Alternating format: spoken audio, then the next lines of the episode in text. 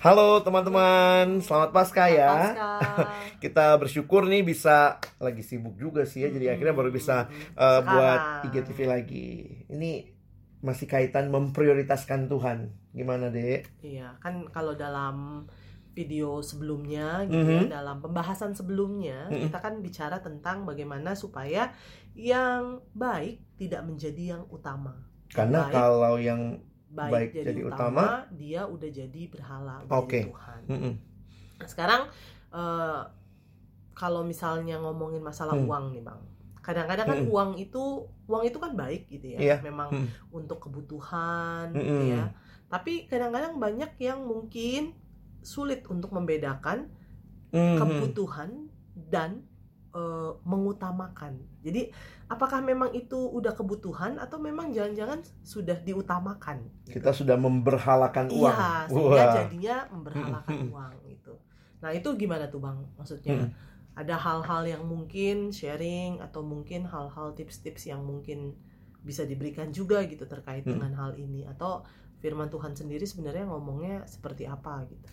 Di dalam firman Tuhan sih kita diingatkan ya seperti prinsip yang utama bahwa eh, kasihilah Tuhan Allahmu dengan segenap hatimu dan hukum yang pertama dalam 10 hukum Taurat juga jangan ada padamu Allah lain. Jadi termasuk kalau kita memberhalakan uang, menjadikan uang segala-galanya yang paling utama, kita berarti mengganti tempat Allah dengan uang.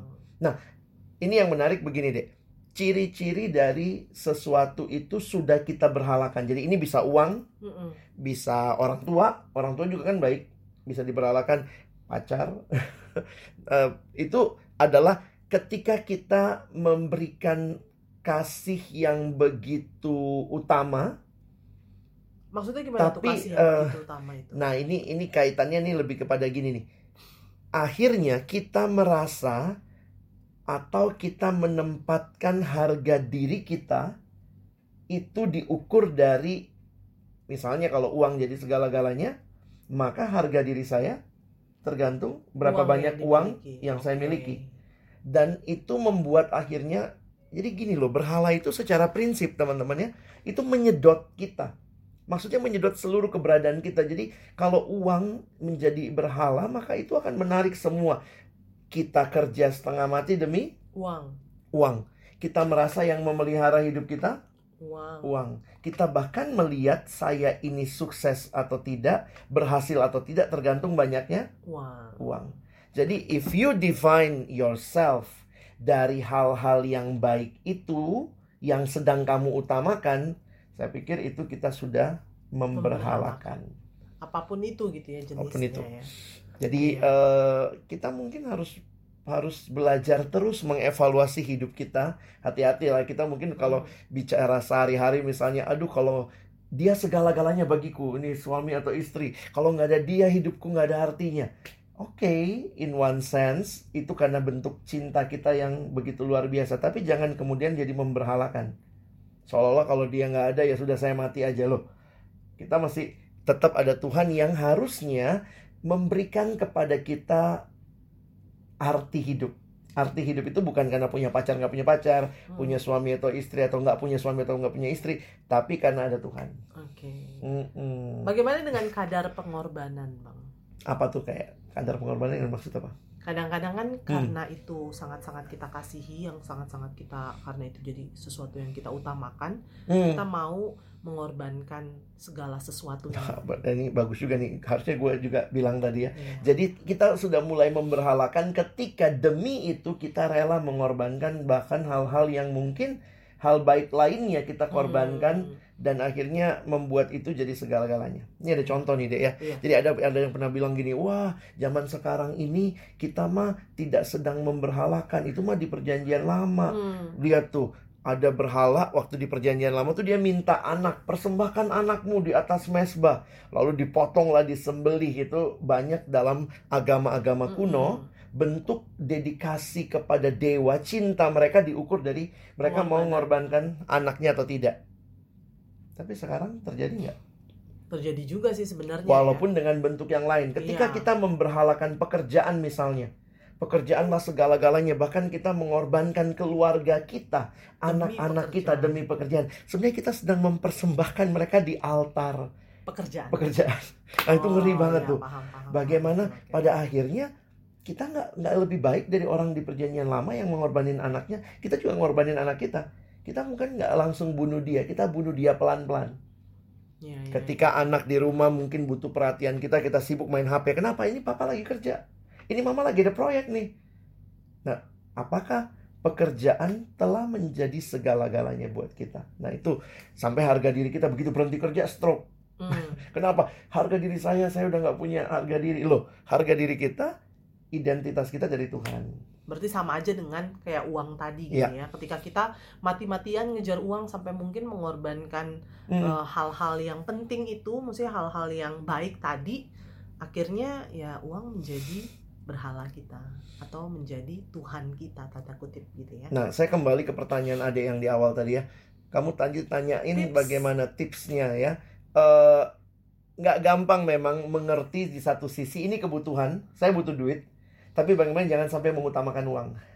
Nah, saya pikir Alkitab memberikan beberapa hal. Misalnya, pertama, practice your Sabbath. Apa maksudnya? Kalau hari berhenti, ya berhenti bekerja. Kenapa? Itu mengingatkan kita bahwa yang memelihara hidup itu bukan uang, tapi Tuhan. tapi Tuhan. Nah, itu pernah deh satu satu waktu merenungkan itu nggak gampang ya, mengerti bahwa yang memelihara hidup kita adalah Tuhan. Tuhan.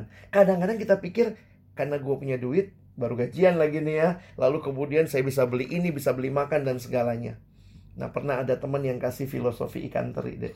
Gimana tuh? Filosofi ikan teri maksudnya dia bilang gini, bayangkan ketika teri itu sampai ke meja kita, teri itu sudah sudah dipelihara Tuhan begitu jauh sebelumnya. Jadi misalnya dia mengatakan kalau kita lihat teri di laut lah misalnya ya, berarti ada teri, berarti ada papa mama teri. Iya.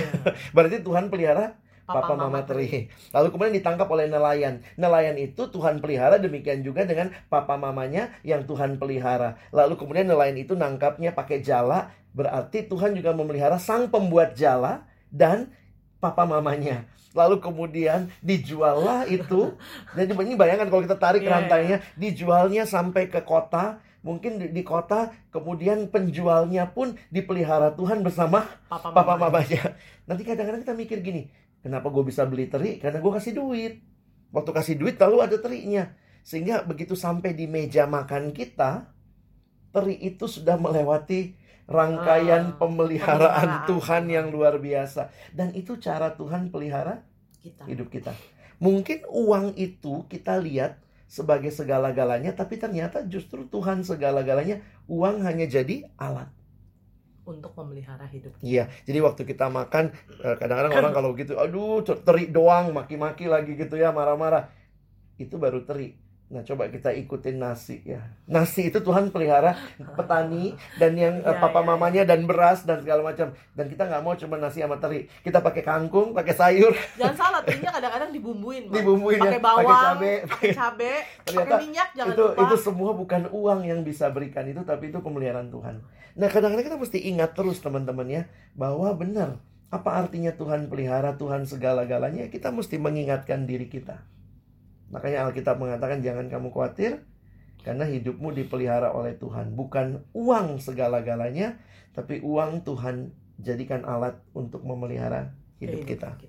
Jadi sebenarnya mungkin salah satu caranya adalah ingat bahwa bukan Tuhan, eh bukan bukan sorry bukan uang yang memelihara hidupmu tapi Tuhan gitu ya. Jadi, Dan itu mesti dihayati ya, bukan Dihayati. cuma disebut doang. Iya. Dan itulah mungkin juga dapat dipraktekkan dalam sabat ya. Kita bukan Mm-mm. hanya berhenti tapi juga kita mengingat gitu ya. Mengingat Bukan bahwa memang istirahat. Tuhan yang melihara. Iya, Karena kalau Tuhan kita lah. karena kalau kita kerja terus nanti rasanya nih nggak ada sahabatnya, nggak ada istirahatnya nih karena gua nih, karena gua nih. Tapi ada kalimat dalam Mazmur yang bagi saya unik juga ya Tuhan mengatakan dia memberi makan kepada anak-anaknya pada waktu mereka sedang tidur. Jadi kiranya pembahasan ini menolong teman-teman apa pun yang mungkin jadi berhala kita ingat mari kita kembalikan lagi melihat bahwa Tuhanlah segala-galanya memprioritaskan dia itu nggak pernah salah dalam hidup. Benar sekali. Oke? Dan gak usah khawatir gitu ya Iya. kalau harus memprioritaskan dia. Oke, sampai jumpa teman-teman. Bye.